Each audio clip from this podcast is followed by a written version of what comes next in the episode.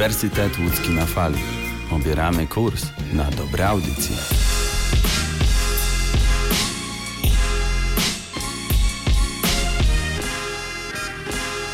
Cześć wszystkim, witam Was w kolejnym odcinku Melomanii, w której zabieram Was w muzyczne podróże w czasie. Tym razem wybierzemy się do lat 90., a dokładniej do 25 kwietnia 1994 roku, kiedy to swoją premierę miał album Parklife zespołu Blair. Blair to jeden z najważniejszych symboli brytyjskiej sceny muzycznej w latach 90. Krytycy są zgodni, że wniósł spory wkład w muzykę, innymi odgrywając kluczową rolę w kształtowaniu się indie rocka w takiej postaci, jaką znamy dziś. Jest też głównym prekursorem gatunku Britpop obok takich zespołów jak Oasis, Sweat czy Pulp. Ale nie uprzedzajmy faktów, tylko zacznijmy od początku. Grupa Blair powstała w 1989 roku w Colchester, które, nawiasem mówiąc, nosi nieoficjalny, lecz niewątpliwie zaszczytny tytuł najstarszego miasta Wielkiej Brytanii. Jej założycielami byli wokalista, gitarzysta, klawiszowiec Damon Albarn, gitarzysta Graham Coxon, basista Alex James i perkusista Dave Rowentry. Albarn razem z Rowentrym grali najpierw w zespole Circus, do którego zdecydowali się zaprosić Coxona, przyjaciela Albarna z dzieciństwa, kiedy dotychczasowy gitarzysta ich opuścił. Niedługo potem zaczęli studiować razem w londyńskim Goldsmith College, gdzie poznali Alexa Jamesa, który chętnie zasilił ich szeregi. Uznali, że skoro przeszli tak poważne roszady w składzie, to powinni też zmienić nazwę. E, zainspirowani powieścią amerykańskiego autora Jeroma Davida Salingera, wybrali Seymour na cześć jednego z jej bohaterów. Pod takim szyldem zagrali kilka koncertów, a następnie podpisali kontrakt z wytwórnią Food Records. Była to mała, początkująca wytwórnia. E, jej przedstawiciele bardzo chętnie przyjęli więc pod swoje skrzydła dobrze zapowiadający się zespół. Mieli jednak jedno zastrzeżenie, bowiem nie za bardzo pasowała im nazwa Seymour. Wyszli więc z kilkoma własnymi propozycjami, a muzycy wspaniałomyślnie zgodzili się na jedną z nich, czyli właśnie Blair.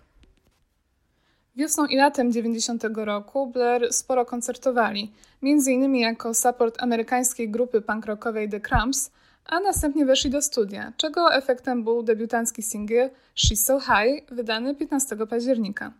Osiągnął on zaledwie 48 miejsce na liście UK Charts, co, jak można się domyśleć, dla jego autorów było rozczarowujące – Stwierdzili więc, że może nie tędy droga i warto by poszukać czyjejś pomocy, dlatego nawiązali kontakt z producentem muzycznym Stevenem Streetem, znanym ze współpracy z takimi legendami jak The Smiths czy The Cranberries.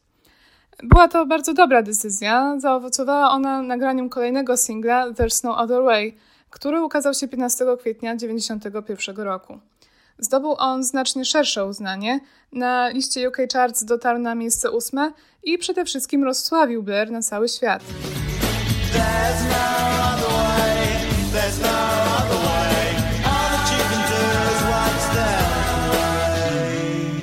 Towarzyszy mu interesujący teledysk, ukazujący stereotypowy obraz brytyjskiej rodziny mieszkającej na przedmieściach, zasiadającej do wspólnego posiłku, ujęty w nieco mrocznym klimacie. W tym samym roku, 26 sierpnia, zespół wydał swój pierwszy album pod tytułem Leisure. Zebrał on zróżnicowane recenzje. Fanom bardzo się spodobał, krytycy jednak byli podzieleni. Na liście UK Charts Leisure osiągnął siódemkę i pokrył się złotem. Do historii zaś przede wszystkim przyszła jego okładka. Jest to zdjęcie Charlesa Hewita z 1954 roku, stworzone na potrzeby publikacji w magazynie Picture Post – które przedstawia modelkę reklamującą niezwykłej urody czepek kąpielowy. Blair wydali swoją drugą płytę Modern Life is Rubbish 10 maja 1993. Niestety osiągała ona gorsze wyniki sprzedażowe od swojej poprzedniczki, trafiając zaledwie na 15 miejsce UK Album Charts. Jest y, utrzymana w podobnym klimacie co Leżer. Teksty wciąż są skupione głównie wokół brytyjskiego społeczeństwa, życia na przedmieściach, jednak tym razem ewoluowały one do nieco bardziej cynicznych – Wyczuwa się też silniejszy niż dotąd anglocentryzm, jak trafnie nazwali to sami członkowie zespołu, czyli podkreślanie tego, co angielskie, zamknięcie się w obrębie własnego kraju, zarówno tekstowo, jak i muzycznie, co podobno stanowiło taką odpowiedź na powszechną amerykanizację kultury popularnej. Aby się o tym przekonać, wystarczy sięgnąć po single z tego krążka, a były nimi For Tomorrow, Sunday Sunday i Chemical World.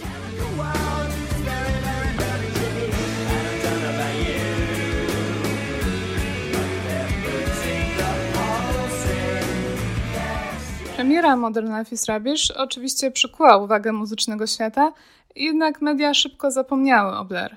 W utrzymaniu popularności nie pomagały średnio udane koncerty, które utwierdziły opinię publiczną w przekonaniu, że panowie znacznie lepiej wypadają w studiu nagraniowym niż na żywo. Ponadto do głosu doszedł konkurencyjny zespół Sweat, którego debiutancki album z marca 1993 wszedł na szczyt UK Charts i zdobył nagrodę Mercury Prize. Muzycy źle znosili kolejne porażki, cała czwórka często się kłóciła, mimo to nie słabła ich motywacja, aby dalej tworzyć, całe szczęście. Ponieważ razem z zainteresowaniem zmniejszał się też stan konta, należało przyspieszyć pracę nad nowym materiałem. W 1990 roku, na rok przed debiutem fonograficznym Blair, Damon Albarn udzielał wywiadów w imieniu swojego wówczas początkującego, dobrze rokującego zespołu i powiedział następujące słowa. Kiedy pojawi się nasz trzeci album, nasze miejsce jako ważnego angielskiego zespołu będzie zapewnione. To proste stwierdzenie faktów. Zamierzam go napisać w 1994 roku. Albarn, jako szanujący się artysta, rzecz jasna nie zwykł rzucać słów na wiatr, no ale trzeba przyznać, że to, co zapowiadał, nie do końca się udało. Na przełomie 93 i 94 Blair byli co prawda wciąż popularni, zwłaszcza w niektórych kręgach, lecz do statusu ikon trochę im brakowało, dlatego należało szybko coś zrobić, żeby to zmienić. Przystępując do procesu pisania nowych piosenek, Albarn nie chciał porzucać dotychczasowego stylu. Postanowił poświęcić teksty podobnym zagadnieniom jak wcześniej, z których najbardziej wybijają się właśnie ten anglocentryzm, małomiasteczkowość, ale i globalność oraz komentarze na temat wszystkiego, co dzieje się wokół. Od starszego materiału różni go bardziej jednostkowa perspektywa i większy nacisk na osobiste uczucia i emocje. Wśród inspiracji Albarn wymienia powieść kryminalną Martina Emisa Pola Londynu, a także po prostu własne obserwacje poczynione w codziennych sytuacjach. Noel Gallagher z konkurencyjnego zespołu Oasis powiedział kiedyś, że Parklife to personifikacja południowej Anglii i trudno o trafniejsze stwierdzenie. Choć y, opisywane historie są różne, to łączy je jeden punkt widzenia, jedna baza tematyczna, co nasuwa sugestię, że Parklife zakrawa o album konceptualny. Jak już wspomniałam, Blair pozostali wierni swojej charakterystyce i bardzo słusznie. W muzyce, jak to w życiu, nie warto robić niczego na siłę. Należało jednak w jakiś sposób udoskonalić, podrasować swoje brzmienie. Niemalże od początku kariery panowie współpracowali z producentem Stephenem Steelem i absolutnie nie zamierzali rezygnować z jego usług, ale tym razem zaprosili do studia kogoś jeszcze. Był to inny producent, Stephen Hug. Jest to naprawdę świetny fachowiec, mający ucho do radiowych przebojów, jednak ten wybór wydawał się dość osobliwy, o czym świadczy fakt, że Hug zasunął współpracą z takimi legendami jak New Order, OMD, Erasure i przede wszystkim Pet Shop Boys – Ci ostatni dopiero co, bo we wrześniu 93 wydali swój piąty krążek pod tytułem Very, który był ogromnym komercyjnym sukcesem, a za produkcję, obok oczywiście samego duetu Pet Shop Boys, odpowiadał właśnie Hag. Wszystkie wyżej wymienione zespoły łączy nie tylko sława i uznanie, ale też to, że grają synth-pop, czyli muzykę opartą na syntezatorze, z elementami disco i new romantic. Gatunek ten wiódł prym w latach 80 a Blair przecież charakteryzowały dotąd zupełnie inne dźwięki. Alternatywne, rockowe, momentami nawet lekko grunge'owe. E, jednak, jak wkrótce się okazało, było to genialne posunięcie, które dowiodło, że te dwa światy jak najbardziej da się połączyć i to ze znakomitym skutkiem. Muzycznie Parklife jest zróżnicowany. Jak już mówiłam, słuchać silny wpływ synth-popu i nowej fali. E, z ciekawszych motywów należy wymienić także interludium o charakterze walca, w instrumentalnym utworze The Debt Collector, wykorzystanie orkiestry sfonicznej w singlu To The End, czy nawiązania do punk rocka, słyszalne chociażby w Bank Holiday. Singlem przewodnim z płyty Parklife zostało Girls and Boys, które miało swoją premierę 7 marca 1994. Dla Blair było to największe dotychczasowe osiągnięcie, ponieważ utwór ten jako pierwszy w historii zespołu znalazł się w pierwszej piątce listy UK Charts – a jako drugi po There's No Other Way był notowany na amerykańskiej liście Billboard.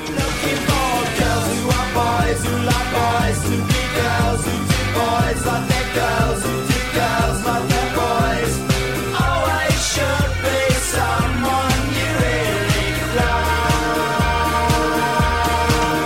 w sobie wiele stylów. Jest bardzo popowy, utrzymany w klimacie disco. Na pierwszy plan wybija się bas, przewodzący na myśl właśnie synth-pop. Zastosowano także automat perkusyjny zamiast zwykłych bębnów. Pomysł na tekst zrodził się w głowie Albarna podczas wakacji w Hiszpanii i stanowi zbiór obserwacji na temat tamtejszego życia nocnego, turystów bawiących się bez opamiętania w klubach nocnych. Nawiązuje do tego teledysk przedstawiający występujących członków zespołu na zmianę z urlopowiczami wypoczywającymi i biorącymi udział w dziwacznych zabawach nad basenem. E, jako tak zwany bonus track na płycie znalazł się remix Girls and Boys autorstwa wspomnianych już przeze mnie Pet Shop Boys. Neil Tennant i Chris Lowe nagrali też bardzo dobry cover tej piosenki, zarejestrowany podczas ich koncertu w Rio de Janeiro w 1994. Kolejnym krokiem dla była już premiera płyty. Parklife ukazała się 25 kwietnia 1994 roku.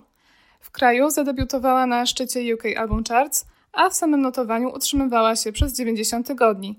Pokryła się też czterokrotną platyną i do dziś jest najlepiej sprzedającym się krążkiem zespołu. E, przyniosła im również aż cztery statuetki podczas rozdania nagród Brit Awards w 95. Poza tym był to pierwszy album wydany za pośrednictwem wytwórni EMI, która na krótko wcześniej wykupiła firmę Food Records. Parklife towarzyszy słynna okładka, która przedstawia dwa harty rywalizujące w wyścigu. 30 maja Blair wypuścili drugi singiel To The End. Gościnnie występuje w nim Letitia Sadie z zespołu Stereolab.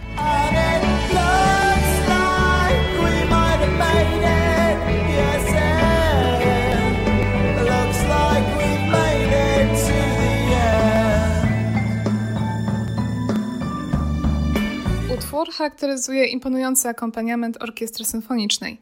Teledysk, który do niego powstał, stanowi odwzorowanie kilku scen z francusko-włoskiego filmu zeszłego roku w Marienbadzie z 1961 roku, z zachowaniem oryginalnego stylu filmu i członkami zespołu jako aktorami. Piosenka doczekała się kilku wersji, między innymi zaśpiewanej po francusku czy z udziałem piosenkarki Françoise Hardy. 22 sierpnia ukazał się tytułowy singiel Parklife. Dotarł on na dziesiąte miejsce listy przebojów Wielkiej Brytanii. Zwrotki utworu zawierają słowo mówione, które wykonuje Phil Daniels. Brytyjski aktor wystąpił również w teledysku jako akwizytor, który jeździ od domu do domu ze swoim asystentem, w tej roli Alban, który śpiewa refren. Tekst jest sarkastyczny, odnosi się on do angielskiego społeczeństwa, głównie przedstawicieli klasy pracującej. Opisuje też to, co panowie zespołu widzą codziennie w drodze do studia nagraniowego. Śmieciarze podczas pracy, ludzi wychodzących na jogging, czy wszechobecne gołębie. Confidence is a preference for the habitual voyeur of what is known as. A morning suit can be avoided if you take a route straight through what is known as. Ostatni ogólnoświatowy singiel, End of the Century, wydano w listopadzie 1994 roku. Jest to nastrojowa kompozycja opowiadająca o przełomie dwóch tysiącleci i związaną z tym zmianą ludzkiego myślenia. Zamiast żyć chwilą, mamy tendencję do nadmiernej kontemplacji przyszłości. Z Parklife pochodzi jeszcze jeden singiel, Tracy Jacks, dedykowany jednak wyłącznie na rynek amerykański. Parklife był wielkim sukcesem dla Blair, nie tylko komercyjnym. Przewrócił członkom zespołu zarówno pozycję w branży na wiele lat, ale też wiarę we własne możliwości. Dowiódł, że muzycy potrafią eksperymentować z brzmieniem i w niczym nie ustępują konkurencji, m.in. debiutującym w 1994 roku Oasis. Rywalizacja obu tych zespołów jest nieodłącznym elementem historii brytyjskiej muzyki. Płyta odegrała też kluczową rolę w rozwoju gatunku Britpop, którego Blair stali się ważnym symbolem. Obecnie gatunku niestety wymierającego. Dzisiejsze młode zespoły, których twórczość wpisuje się w kanon Britpopu, to m.in. Travis, Razorlight, The Cooks czy Kaiser Chiefs. Tymczasem Blair nie zwalniali tempa i 11 września 1995 wydali kolejną płytę The Great Escape, ponownie docierając na szczyt UK Album Charts. Pochodzą z niej takie przeboje jak Country House, The Universal, Stereotypes czy Charmless Man. Dzięki temu utrzymali wysoki poziom zainteresowania ze strony krytyków czy mediów i udowodnili, że są w stanie powtórzyć sukces Parklife. The Great Escape to ostatnie wydawnictwo, w całości utrzymane w esencjonalnym britpopowym stylu Blair. Później panowie nieco zmienili kierunek i poszli w stronę lo-fi i alternatywnego rocka, z czym moim zdaniem również świetnie sobie poradzili. Ostatnią jak dotąd próbką umiejętności Blair jest krążek The Magic Whip z 2015. W tym odcinku Melomanii to już wszystko. Oczywiście zachęcam do słuchania płyty Parklife, jak i głębszego pochylenia się nad Blair, bo naprawdę warto. Tymczasem zapraszam Was na kolejną muzyczną podróż już za tydzień. Do usłyszenia.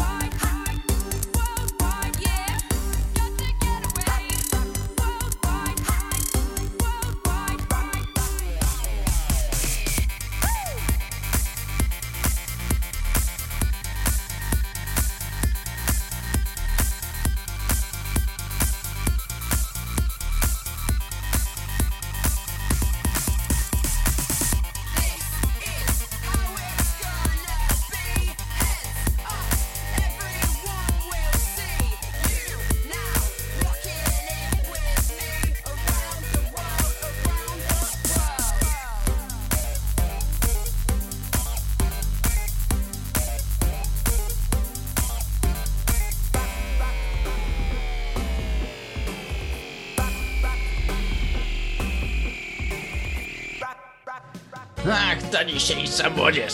Zero kultury. Dziadek, co ty gadasz? My jesteśmy kulturystami. Kulturyści w UE na fali. Cześć, witam wszystkich bardzo serdecznie po dwutygodniowej przerwie. Mimo tego, że święta mm, wielkanocne już minęły, to nieco mm, wrócimy i opowiem Wam, czym tak naprawdę one są, jakie mają tradycje, no i jak to powinno wyglądać. W skrócie, no z czym to się je, to święto i skąd ono się wzięło. Także zapraszamy.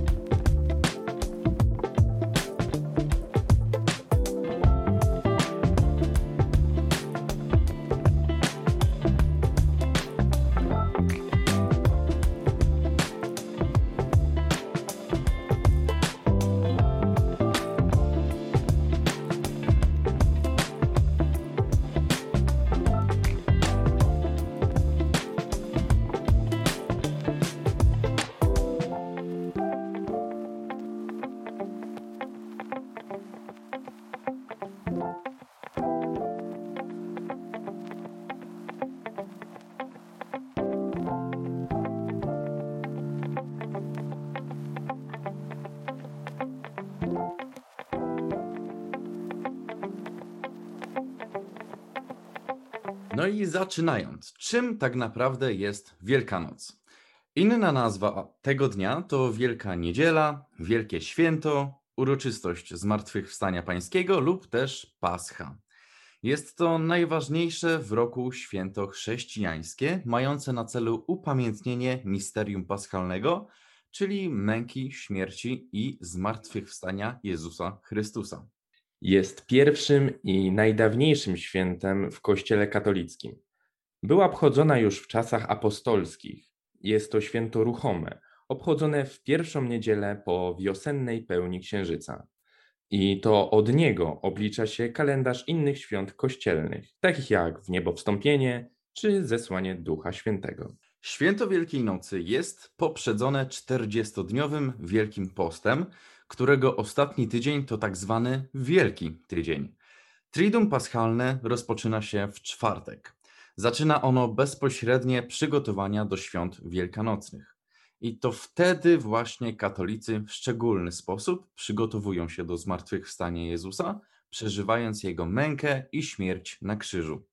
Wielka Sobota to przedostatni dzień Wielkiego Tygodnia. Tym samym poprzedza święto Zmartwychwstania. Tradycyjnie w tym dniu błogosławi się pokarmy, które dzień później znajdą się na wielkanocnym stole. Zwyczaj święcenia pokarmów w koszyczku w Wielką Sobotę jest w polskiej tradycji zakorzeniony od wieków. Jednak w niektórych regionach zwyczaj ten upowszechnił się dopiero po II wojnie światowej. Na Śląsku natomiast dopiero na przełomie lat 70. i 80. XX wieku. Wiktor powiedział nam, że jest taki zwyczaj święcenia pokarmów w koszyczku, no ale pojawia się tu pytanie: jakich pokarmów nie powinno zabraknąć w Twoim wielkanocnym koszyczku?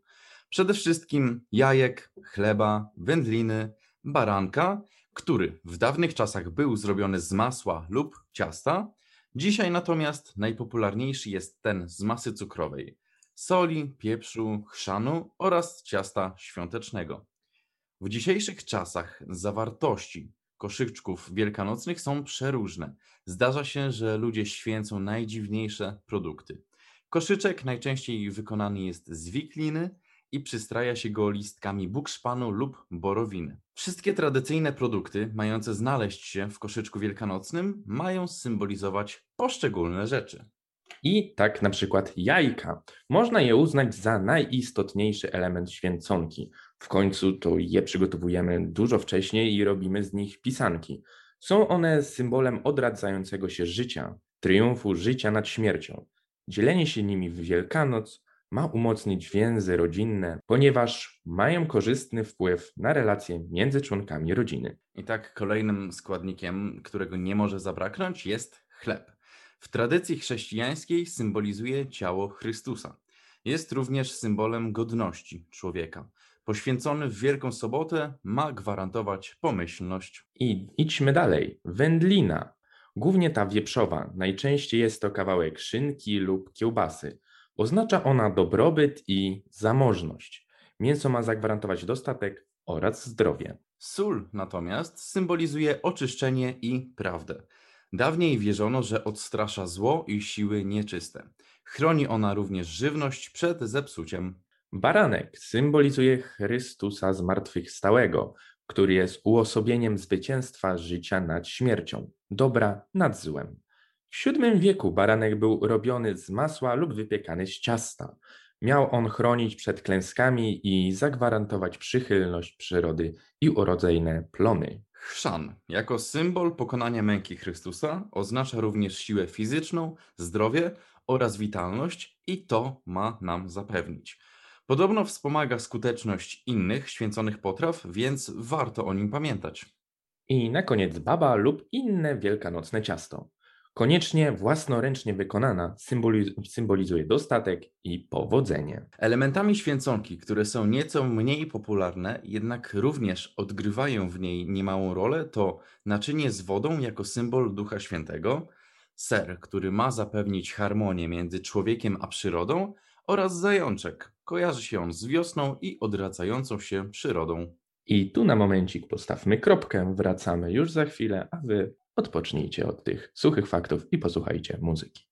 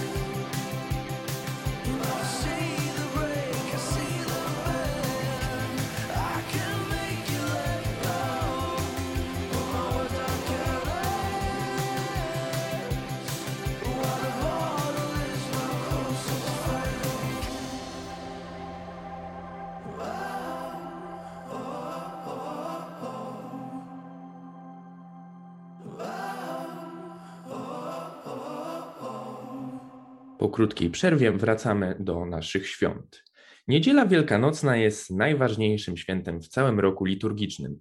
Rozpoczyna się mszą świętą rezurekcyjną, odprawianą o świcie i jest uczczeniem zmartwychwstania Chrystusa. To symbol odrodzenia się dobra, jego triumfu nad złem, zwycięstwo nad grzechem i śmiercią. Rezurekcja odprawiana jest tradycyjnie o godzinie 6 rano. We wcześniejszych latach nabożeństwo odbywało się już o północy, w Wielką Sobotę. Święto Wielkanocne jest mm, bogate w wiele tradycji. Związane te tradycje z obchodami święta Wielkiej Nocy różnią się w zależności od kraju lub też regionów. W Polsce wciąż kultywowane są dawne zwyczaje. Obyczajów jest naprawdę mnóstwo, dlatego przytoczymy tylko kilka najistotniejszych, jak na przykład Niedziela Palmowa i związane z nią święcenie palm oraz produktami, które koniecznie muszą znaleźć się jako święconka w koszyczku. Idźmy dalej, jeśli chodzi o tradycję. Jednym z popularniejszych na terenie całego kraju jest obchodzenie śmigusa dyngusa w poniedziałek wielkanocny. Polega on na wzajemnym oblewaniu się wodą. Przed laty wiązał się on również z uderzeniem się wierzbowymi gałązkami. Aby tego uniknąć, można się było wykupić słodyczami lub pięknymi pisankami. I właśnie kolejne jest malowanie jajek. Pisanki od bardzo dawna stanowią nieodłączny element Wielkanocy. Każdy region ma swój charakterystyczny sposób ich ozdabiania i technik na to również jest sporo. Nawet malowanie jajek, które wydawałoby się być elementem zabawy, szczególnie dla młodszych dzieci, ma szczególne znaczenie i wywodzi się to z chrześcijańskiej tradycji. No i tutaj się pojawia pytanie, Wiktor, lubiłeś malować jajka? Czy bawiłeś się w to, czy raczej to cię ominęło? Wiesz co, no, zwłaszcza jak byłem mały, naprawdę takie małe lata, powiedzmy przedszkolne i wczesnoszkolne, no to faktycznie z rana w sobotę brało się kilka jajek, coś tam się uzdabniało i, i wiesz, jakoś to wyglądało. Chociaż ja nigdy nie byłem jakoś uzdolniony, jeśli chodzi o jakieś właśnie malarstwo i tak dalej, ale no była to przynajmniej fajna, fajna zabawa. Ale dalej, jak sobie tak przypominam i no powiedzmy aż do teraz, jeśli chodzi o barwienie jajek, to zajmowała się tym moja mama albo babcia i one miały jakiś taki patent, że brały te jajka i gotowały je chyba, z, jeśli dobrze pamiętam, z cebulą i one nabierały jakiegoś takiego ciemnego koloru, takie brązowe powiedzmy i to całkiem fajnie wyglądało. Ale jeśli chodzi o, jakieś malowanie, no to teraz już raczej tego się u mnie w domu nie stosuje. A u ciebie, Damianku, jak? Ty bawisz się jajami, czy nie? Czy bawię się jajami? Może odpowiem tak, że jeśli byłem, mm, no wtedy, kiedy byłem mały, to rzeczywiście lubiłem sobie przyozdobić e, jajka jakimiś fikuśnymi wzorkami, używając do tego pędzla, farb. E, no i to naprawdę sprawiało, że czekałem na te święta, nie mogłem się ich doczekać i sprawiało to, że to był jeszcze bardziej magiczny czas. No ale wiadomo, czym dalej z biegiem czasu, no to mm, pędzel poszedł w odstawkę, no i już raczej nie było na to i czasu, i chęci, a kolorowaliśmy później e, jajka właśnie tak jak ty, że gotowało się z różnymi e, produktami, które mogłyby nadać koloru tym mm, skorupkom. E, ale myślę, że też wykorzystywaliśmy jakieś przeróżne barwniki. e, Także no, zawsze koszyki wielkanocne były bardzo kolorowe, ale już niestety nie były to własnoręcznie kolorowane pisanki, tylko już tak po prostu z użyciem różnych ułatwień. Czyli tu padało klasyczne pytanie: O, sama zrobiłaś, sama zrobiłeś? Nie, to kupne.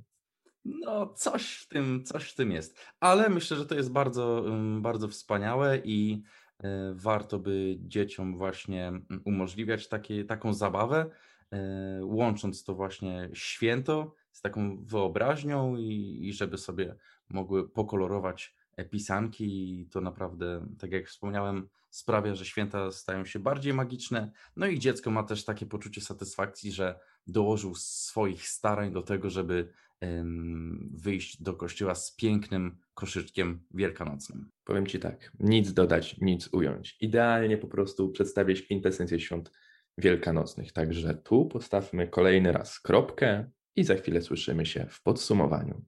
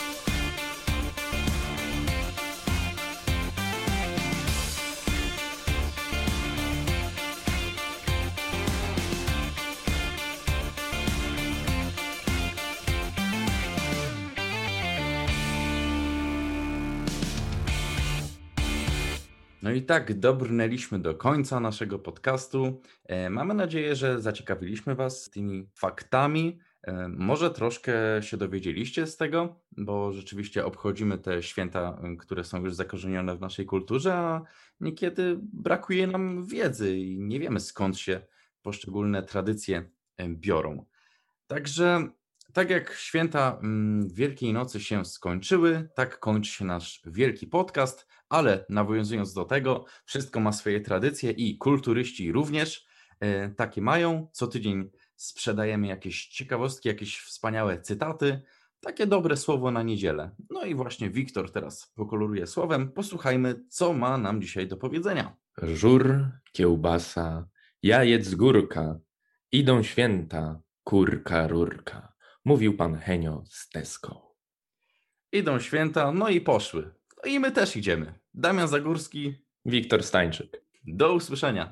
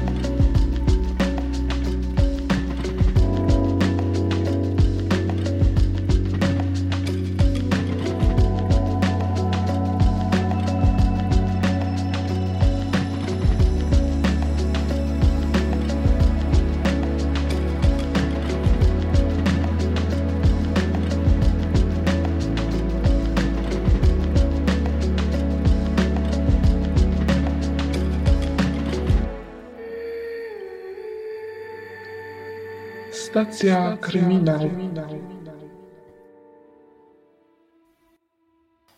Siemanko, tu Kinga i witam Was po bardzo długiej przerwie w kolejnym wydaniu Stacji Kryminał. Dzisiaj e, przychodzę do Was ze starą, nową formą. Starą, bo omówimy sobie kolejną sprawę kryminalną i nową, ponieważ tym razem będę opierała się na własnych odczuciach, wspomnieniach i kwestiach, gdyż do tej sprawy nie umiałam stworzyć scenariusza, niezbędnych kwestii, ani nawet myślników, co powinnam powiedzieć. Opowiem Wam więc ją najlepiej jak potrafię i najlepiej jak pamiętam. A sprawa ta jest ważna, jest duża i jest niezwykle tragiczna i smutna. Jest to pierwsza sprawa kryminalna, którą w ogóle pamiętam i z którą miałam styczność. Nie bezpośrednią, ale miałam. I chociaż wydarzyła się ona już kilka lat temu, bo w 2012 roku i miałam wtedy tylko 12-13 lat, to bardzo dobrze ją pamiętam i wtedy też bardzo dobrze ją rozumiałam. Jej powagę, tragizm i odczuwałam razem z całą Polską te dreszcze niepokoju i ten strach przed tym, co się okaże. Mowa tu o sprawie małej Madzi z Sosnowca i mam wrażenie, że już teraz dla wielu z Was sprawa stanie się jasna i stanie Wam przed oczami, bo to była swego czasu największa sprawa medialna w Polsce. Na wszystkich kanałach nie tylko tych z wiadomościami, było o niej po prostu pełno. Wszędzie były konferencje prasowe, materiały, dokumenty, zdjęcia. To była tak naprawdę sprawa nie tylko mm, rodziców i bliskich, to była sprawa wszystkich Polaków. Chciałabym Wam jak najlepiej przybliżyć całe tło sytuacji, tego co się stało, ale pozwolę sobie pominąć aspekty życia e, rodziców Madzi przed jej narodzinami. Powiem tylko, że Katarzyna W., czyli matka małej Madzi, mm, prowadzi dość niepokojącą młodość i dość niepokojące dzieciństwo. Wywodzi się z dość patologicznej rodziny, gdzie ojciec jest alkoholikiem, a matka jest wręcz fanatyczną e, chrześcijanką. Ona całe dnie spędza na modlitwie i jakkolwiek źle to zabrzmi, nie jest to taka, mm, wiecie, modlitwa chwilowa, taka pełna wiary i pełna nadziei. To jest taka modlitwa, która ma zająć cały dzień, odciąć od e, życia rzeczywistego i przynieść ukojenie. Szczególnie tutaj ważnym aspektem i przypominanym jest to, że pani Leokadia, czyli matka Katarzyny, całymi dniami odmawia różaniec. I e, tak naprawdę ile może zająć odmówienie różańca jeden raz, to są e, kwestie minut, powiedzmy 20 z takim mm, dużym pogłębieniem się nad modlitwą, a ona cały dzień potrafiła z tym różańcem przesiedzieć, więc e, nie odmawiając jej szczerości tej modlitwy, zajmowało jej to całe dnie, ona się w ten sposób odcinała. Katarzyna była zdolną dziewczyną, e, uczyła się bardzo dobrze, ale do czasu, bo w szkole średniej gdzieś tam powinęła jej się noga, i e, nie podeszła do matury, nie poszła na studia, to był jakby koniec jej edukacji. Natomiast Bartek, jej e, przyszły mąż, to jest dość zdolny chłopak, on dobrze się uczy, jest bardzo aktywnym e, chłopakiem, studiuje informatykę, należy do różnych tam kółek zainteresowań i generalnie jest naprawdę mm, atrakcyjnym facetem i przykuwa spojrzenia dziewczyn, również Katarzynę. Ich znajomość e, w zasadzie nie wyróżnia się e, niczym wielkim. To Bartek spodobał się Katarzynie i to ona tak naprawdę mm, rozpoczęła ich związek, ale on bardzo się w niej zakochał i generalnie do samego końca sprawy był w niej ogromnie zakochany. No ale jak wygląda ich życie? A więc e, są parą. Katarzyna zachodzi w ciążę, nieplanowaną, niespodziewaną, bardzo wczesną. E, oboje są zaskoczeni, ale w bardzo różnym znaczeniu tego słowa, bo Bartek jest zaskoczony, ale jako osoba wierząca traktuje tą ciążę jako taki mm, dar od Boga, los, który musiał ich spotkać i mm, nie przeszkodę, ale taki prezent na ich drodze, na rozpoczęcie. Katarzyna natomiast jest e, zaskoczona i dość zła na tą sytuację. Ona nie potrafi jej zrozumieć, boi się. Mm, ona od razu myśli o takich rzeczach dość praktycznych, z tego co mówiła, czyli gdzie oni będą mieszkać, jak dadzą sobie radę, martwi się o finansowe aspekty tej ciąży i też e, boi się trochę przyznać do niej przed swoimi rodzicami, szczególnie, że jej matka jest taką zagorzałą chrześcijanką, tak? A tu związek bez ślubu, tak naprawdę, naprawdę młodzi ludzie i i co z tym zrobić. No ale e, jest w ciąży, tego się nie cofnie. I gdy powiadomiają o tych rodziców, to pani Leokadia, mama Katarzyny, jest zadowolona, może nieszczęśliwa, ale w zasadzie cieszy się z tej ciąży, uważa to za dar Boży, natychmiast mówi, że młodzi powinni wziąć ślub kościelny, żeby wszystko było po Bożemu i to trzeba wszystko, wszystko szybko załatwić i potem już będą e, dobrze ze sobą żyli. E, Bartkowi niezbyt podoba się ten pomysł, ale nie sam fakt ślubu. Jemu się nie podoba to, że ktoś będzie za nich decydował, on tego bardzo nie chce i tak naprawdę do tego ślubu kościelnego nie dochodzi. Następnie informują rodziców Bartka. E, I e, tutaj trzeba nadmienić, że rodzice Bartka to jest matka i ojczym chłopaka, ale on go zawsze traktował jak ojca, więc to są jego rodzice i e, Bartek ma jeszcze siostrę, z którą jest bardzo zżyty. No i gdy oni e, informują rodziców Bartka o ciąży, to matka jest dość zawiedziona. Ona widziała dla swojego syna inną przyszłość. Ona nie jest zła czy smutna, po prostu trochę żałuje, że nie udało jej się mm, tak uchronić swojego syna przed mm, przyszłością, której dla niego nie chciała. Boi się, że to, mm, to dziecko stanie trochę na przeszkodzie kariery Bartka, takiego rozwoju i tego, co on może w życiu osiągnąć. Natomiast jego siostra no, podchodzi do tego dość neutralnie. Ona lubi Katarzynę, wierzy, że im się uda i tak naprawdę te odczucia do tej ciąży nie są takie złe, jak młodzi się spodziewali. No i pierwszym problemem tak naprawdę było to, gdzie mieliby zamieszkać, no bo mm, u rodziców e, Katarzyny nie było za bardzo miejsca.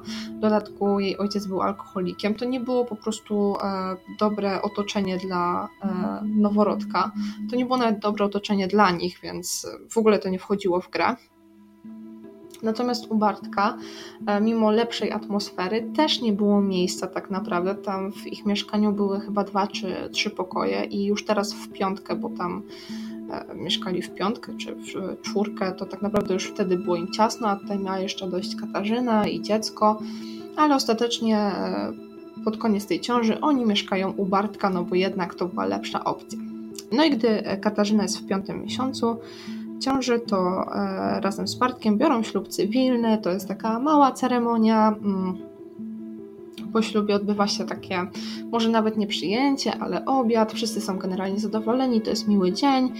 Mm, no i też e, wiadomo, to jest taki e, początek dla nich i Bartek wiąże ogromne nadzieje, że teraz już wszystko będzie dobrze, że się rozwiąże, gdzieś tu myślą o mieszkaniu, także e, zaczynają się o nie starać i tak naprawdę rozpoczynają swoje życie rodzinne.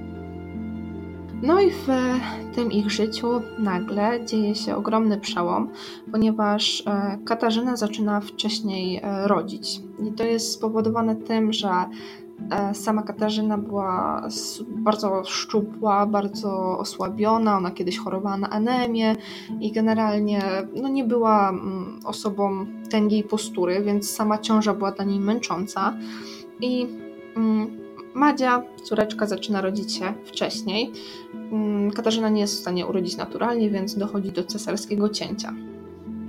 I tutaj e, w tym szpitalu zdarza się pierwsza kontrowersyjna sytuacja w życiu tych młodych ludzi.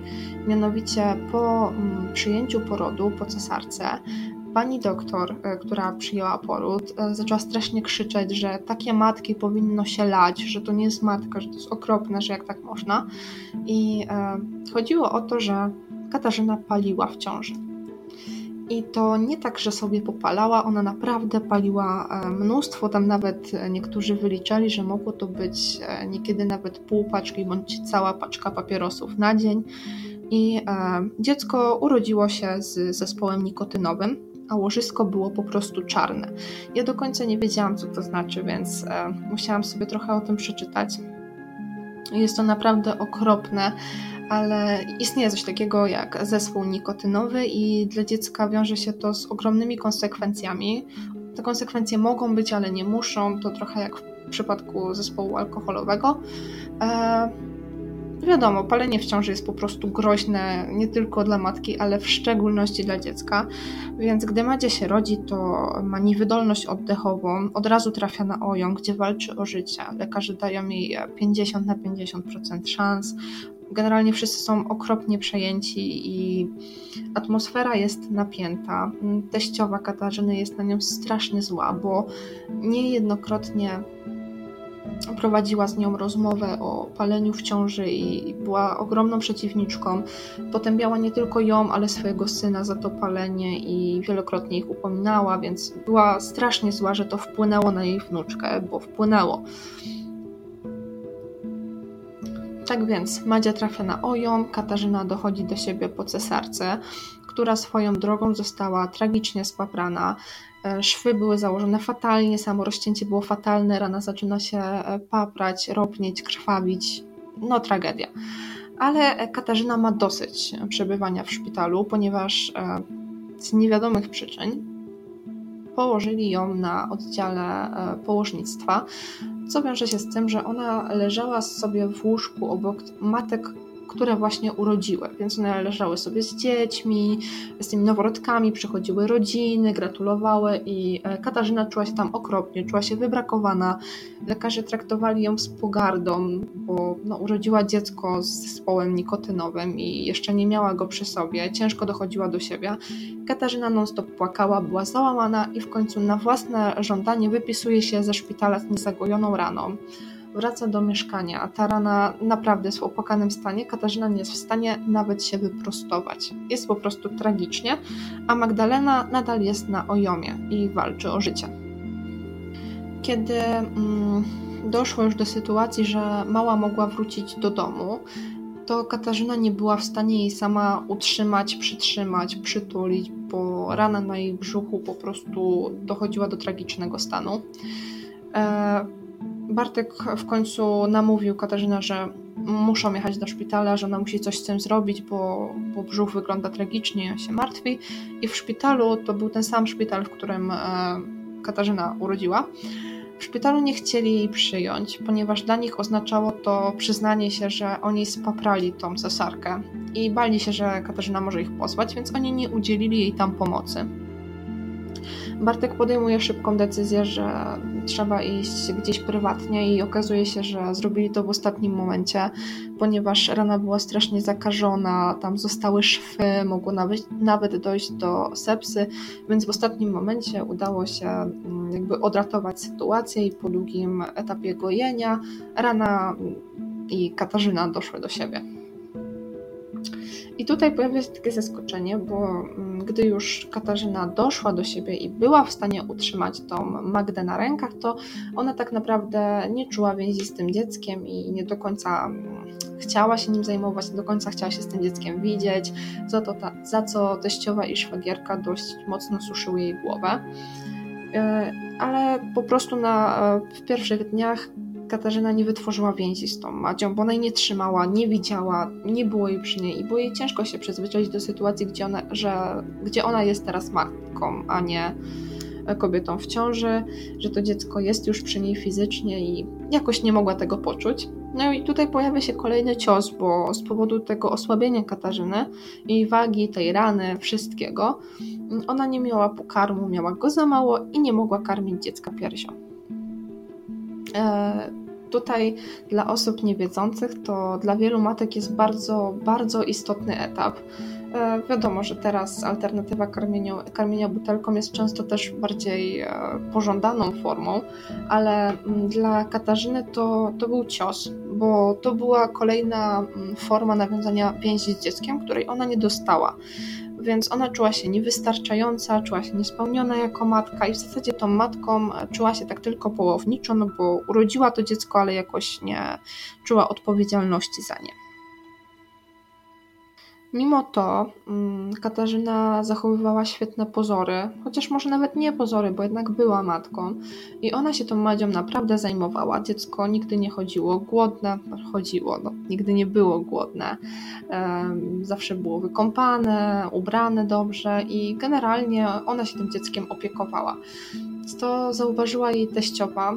Ta opieka była trochę nieudolna i mm, można winić za to Katarzynę, ale też e, nie wiem, czy do końca można w kogoś rzucić kamieniem za to, że nie potrafi się zająć dzieckiem, skoro nikt mu tego wcześniej nie pokazał.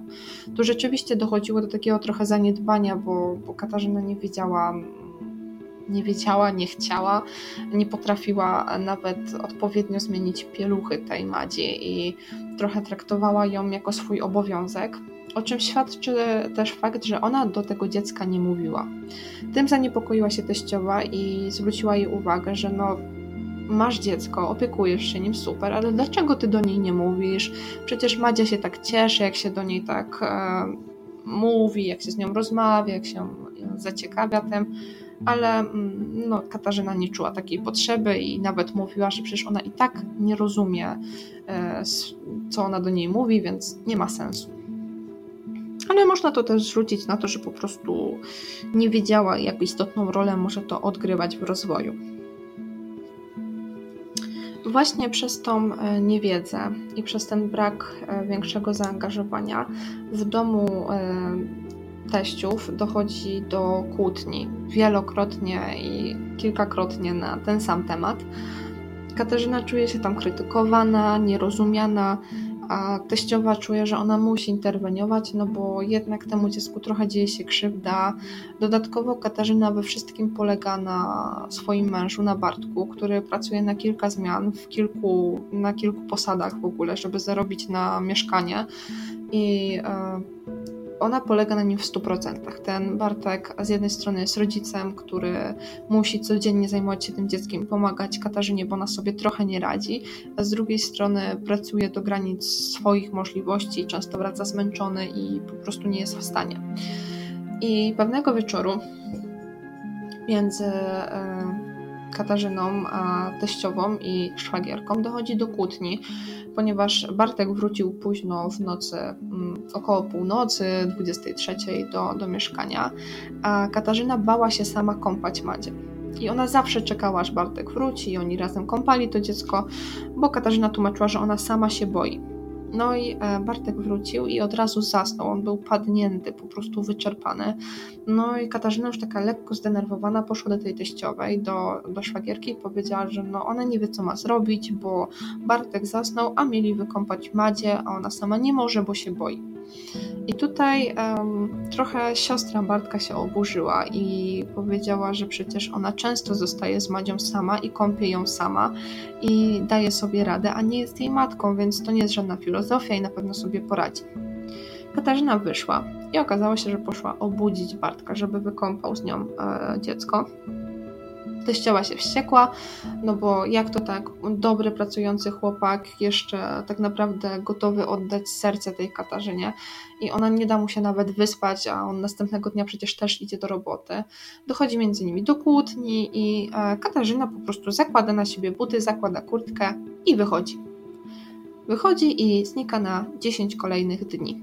Nie ma z nią żadnego kontaktu, ona nie mówi, gdzie jest, a jest w domu swojej matki i nie daje po prostu znaku życia. Ona na 10 dni porzuca swoje nowonarodzone dziecko. Dla Bartka, jego mamy, siostry, ojczyma to jest po prostu szok, no bo jak matka może tak po prostu porzucić swoje dziecko? Ten szok trochę mija, kiedy Katarzyna nagle wraca jednego dnia i po prostu bez słowa wyjaśnienia, bez w ogóle żadnego słowa, e, karmi e, Madzie, tam ubiera ją, trochę ją tam przytula, odkłada, wychodzi i znowu nie daje o sobie e, znać. Generalnie po kilku dniach e, ona wraca i znowu mieszka z teściami, także wszystko jest teoretycznie ok, ale to jest taka mm, pierwsza poważna czerwona flaga dla mamy Bartka, dla siostry Bartka, że coś jest nie tak i że z Katarzyną coś jest nie tak, że nie do końca ona jest osobą stabilną psychicznie. Do tego dochodzą dziwne sytuacje, między innymi e, sytuacja, kiedy Bartek z pracy dzwoni do swojej mamy i mówi, że gdyby przyjechała policja i chciała zabrać Madzie, to żeby absolutnie tej policji, tej Madzi nie dawać. I to tyle. I matka jest zaskoczona, no bo czemu policja miałaby chcieć zabrać dziecko, to po pierwsze. Po drugie, skąd taki telefon i zero wyjaśnienia. Na co Bartek mówi: Mamo, ja nie wiem, co Kasia zamierza. No i to jest przerażające. Nikt nie wie o co chodzi, skąd ta policja, skąd jakikolwiek zamiar dzwonienia po policję, żeby zabrała dziecko i co do tego ma Kasia. Takich sytuacji tam w mieszkaniu jest jeszcze wiele. Wiele jest niedopowiedzeń, wiele jest kłótni, wiele napięcia. I ostatecznie, koniec końców, małżeństwo wyprowadza się do własnego mieszkania, które udało im się mm, dostać, udało im się wyremontować, w czym zasługę tak naprawdę miał Bartek w 100%. No ale wyprowadzają się i to jest tak naprawdę dla nich bardzo świeży początek i uznają tą wyprowadzkę za początek. Zaczyna się taka trochę sielanka, nie tylko w życiu e, Katarzyny, Bartka i ich dziecka, ale też e, sielanka w stosunkach z mm, swoimi rodzicielkami i rodzeństwem, bo wszystko zaczyna się trochę układać. Mimo to mama Bartka strasznie martwi się o to, mm, jak oni sobie poradzą, co z Madzią, bo przecież to jest małe dziecko, oni są młodzi, więc no, temu towarzyszy pewien stres, ale tak chyba jest zawsze, kiedy dziecko się wyprowadza, nawet jeśli to dziecko jest już dorosłe. Także nowe życie, nowy start. W styczniu 2012 roku mała Madzia ma 6 miesięcy. Można powiedzieć, że Katarzyna i Bartek są już przyzwyczajeni do swojego rodzicielstwa, do życia w rodzinie i mają wypracowany jakiś swój tryb opieki, tryb spędzania czasu itd. Tak itd. I 24 stycznia mm, to jest taki dzień, że e, Bartek i Katarzyna postanowili, że spędzą wieczór razem ze znajomymi, bo e, Madzią i tak miała się zająć pani Leokadia, czyli mama mm, Katarzyny. I oni mają, mają, mieli tego dnia mnóstwo rzeczy do załatwienia, mnóstwo papierowej roboty, no bo oboje chcieli już iść do pracy. Katarzyna też miała pracować chyba jako kelnerka, także to był taki dzień załatwiania różnych formalności i Bartkowi pomagał przy tym kolega. Więc e, jak normalni rodzice, dzieląc się obowiązkami, Bartek powiedział, że on ma jeszcze coś do załatwienia na mieście i musi jeszcze jechać do rodziców po jakieś drewno na opał, bo u nich w mieszkaniu paliło się drewnem. I e, Katarzyna miała zabrać e, Madzie spacerkiem do swojej mamy. Mieszkanie pani Leokadii mieściło się w okolicach dwóch kilometrów od mieszkania młodych, Także to nie było problemem, a miała się nią zająć tego wieczoru, więc tak podzielili obowiązki. Także Bartek wsiada w samochód swojego kolegi, jadą pozałatwiać sprawy. Katarzyna mm, wkłada Madzie do wózka i spacerem zabierają do swojej mamy. I nagle po około godzinie mm, Katarzyna dzwoni do Bartka, że jest już tam w połowie drogi do swojej mamy. I Bartek jest zaskoczony, no bo godzina na przejście tak naprawdę niecałego kilometra, no to to jest strasznie długi czas, więc jest szokowany i pyta Katarzynę, no czemu tak długo? Na co ona odpowiada, że musiała jeszcze wrócić do mieszkania, bo zostawiła tam pieluchy, a wiadomo jak jest małym dzieckiem, jak już się wróciła, to musiała ją wyjąć z tego wózka, zabrać na górę, spakować pieluchy, znowu spakować ją do wózka i dopiero wyjść, dlatego tak długo jej schodzi. No i Bartek wiadomo, no to okej, okay, spoko. I dalej załatwiał swoje sprawy. I e, w okolicach godziny 18 Katarzyna dzwoni do Bartka, że e, ktoś ją uderzył i zabrał Magdę.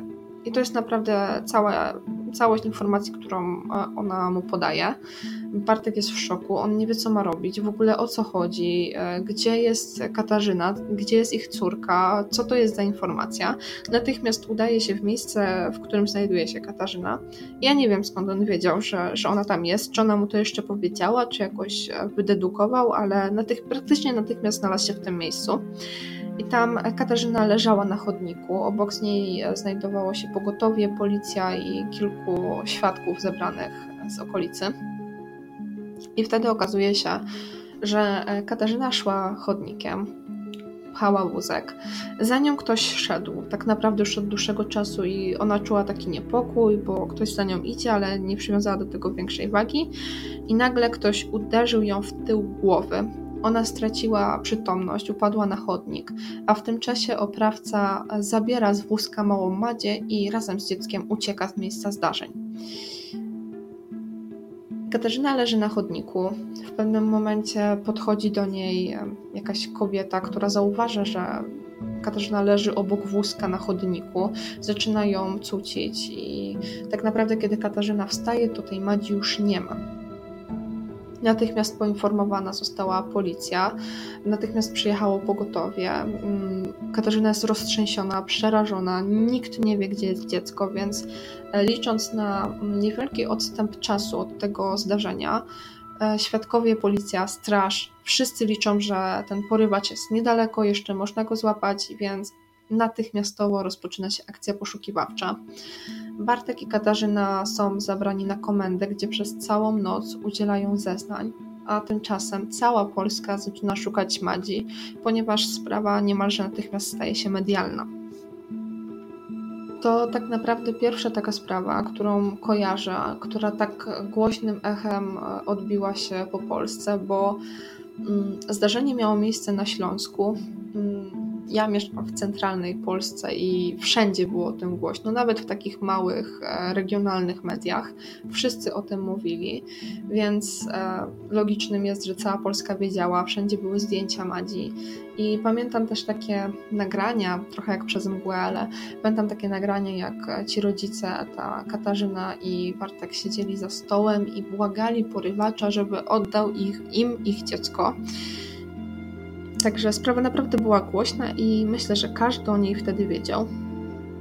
I tutaj też e, pojawiają się takie dziwne aspekty tej sprawy, bo przez to, że sprawa jest medialna, to rodzicom zaginionej Magdy non-stop towarzyszą kamery i dziennikarze i internauci śledzą sprawę na bieżąco i e, nie dość, że śledzą, to jeszcze komentują ją na bieżąco. I pierwsze, co uderza w internautów, to jest obojętność Bartka okazywana na nagraniach, bo on tam jest bardzo spokojny, nie płacze, nie trzęsie się, ale jest taki wyłączony wręcz. Jakby trochę siedział obok, a nie na miejscu swoim, także sytuacja jest bardzo dziwna i internauci niemal natychmiast uznają go za podejrzanego w tej sprawie. To jest trochę okrutne, bo wiadomo, to jest ojciec, który właśnie stracił swoje dziecko, on nie wie, gdzie ona jest i błaga o pomoc, a spotyka się z komentarzami, że być może to on jest zamieszany w tą sprawę. Katarzyna z drugiej strony non-stop płacze, jest roztrzęsiona, kieruje apele o oddanie Madziulki e, i używa takiego sformułowania oddajcie nam naszą Madziulkę, przecież była naszą perełeczką i e, o tym, dlaczego e, to zdanie jest dziwne i niepokojące, powiem za chwilkę. Może ktoś z Was już teraz zauważy dlaczego. Natomiast cała sprawa nabiera szybko tempa, ponieważ włącza się do niej e, detektyw Krzysztof Rutkowski, detektyw slash celebryta, nie wiem nawet jak go określić.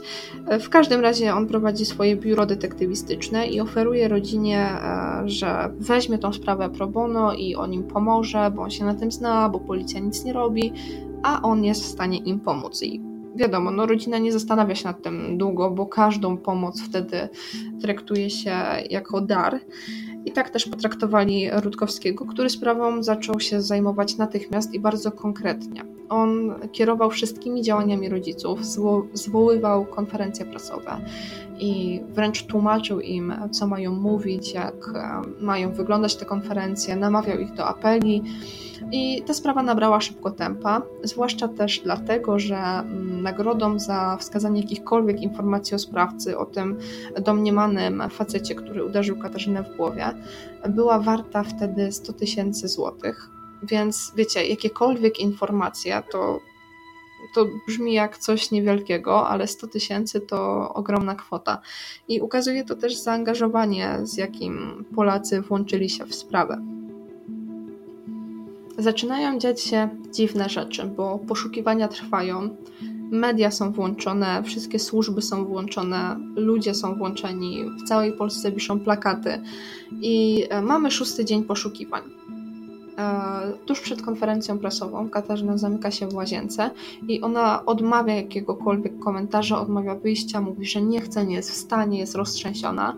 I e, po namowach Rutkowskiego i, i Bartka ona ostatecznie wychodzi i z takim olbrzymim oburzeniem ona odbębnia swoją kwestię przed kamerą Gdy ta kamera zostaje włączona, to ona rzuca z takim e, gniewem, że czy już macie to, co chcieliście, macie cały materiał, czy mogę już iść. Jest po prostu wściekła, że musi tam być, że musi mówić, że ktoś ją kręci.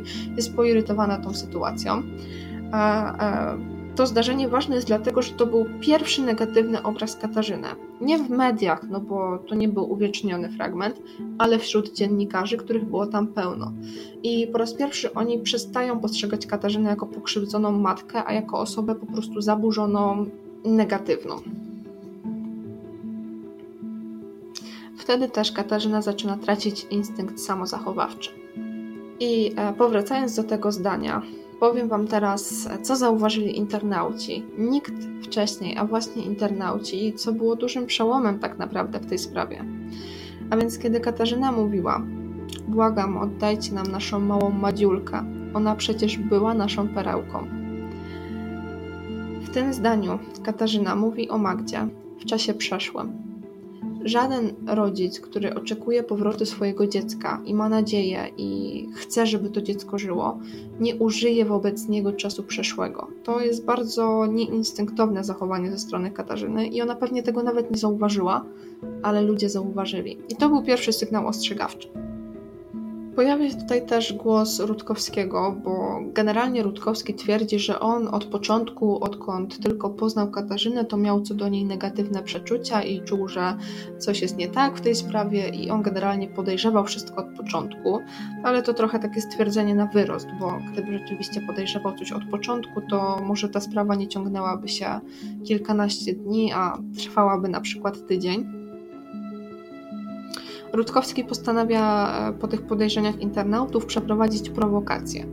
On ustawia kamerę w dość niewidocznych miejscach, siada razem z Katarzyną, rozmawia z nią i trochę prowokuje ją do zeznań.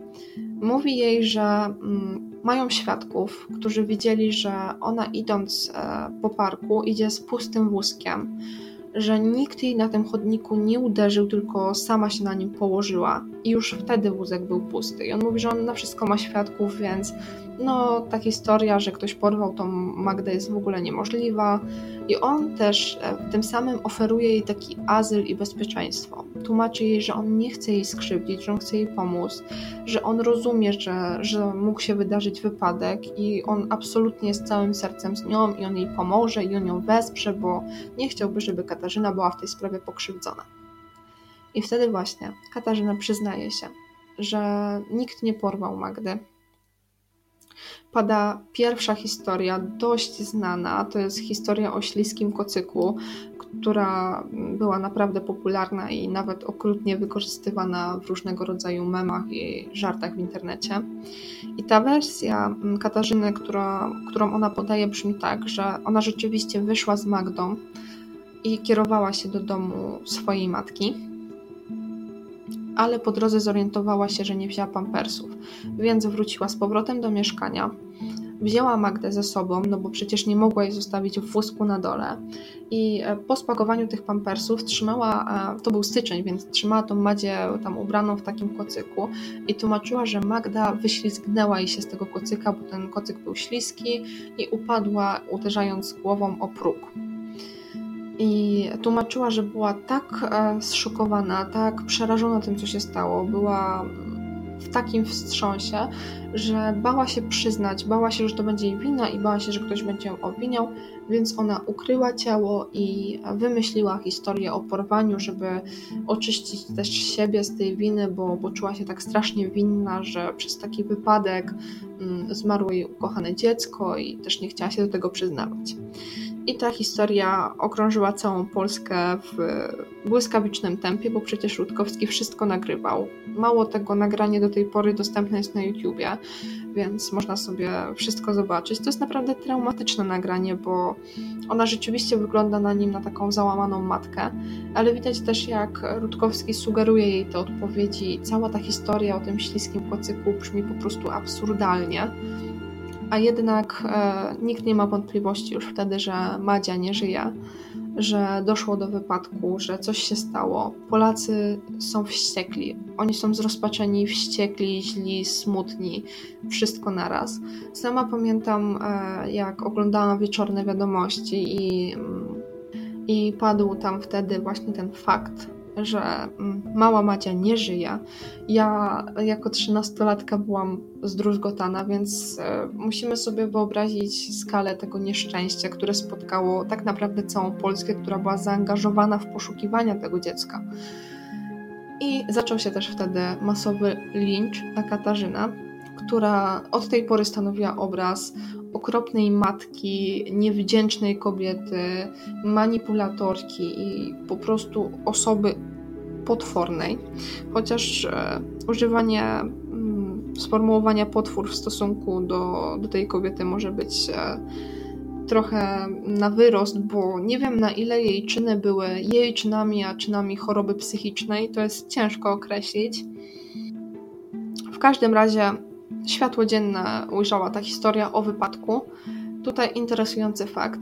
Bartek, gdy o tym wszystkim się dowiedział, on bardzo, on murem stał za Katarzyną. On wierzył, że to był wypadek i tak naprawdę cały czas jej bronił. On był oburzony tym, że wszyscy ją linczują, e, a jednocześnie tak mocno odbiło się to na nim psychicznie, że wtedy, korzystając z, pomo z pomocy psychiatry i psychologa, dostał tak silne leki, że on był po prostu wyłączony z życia.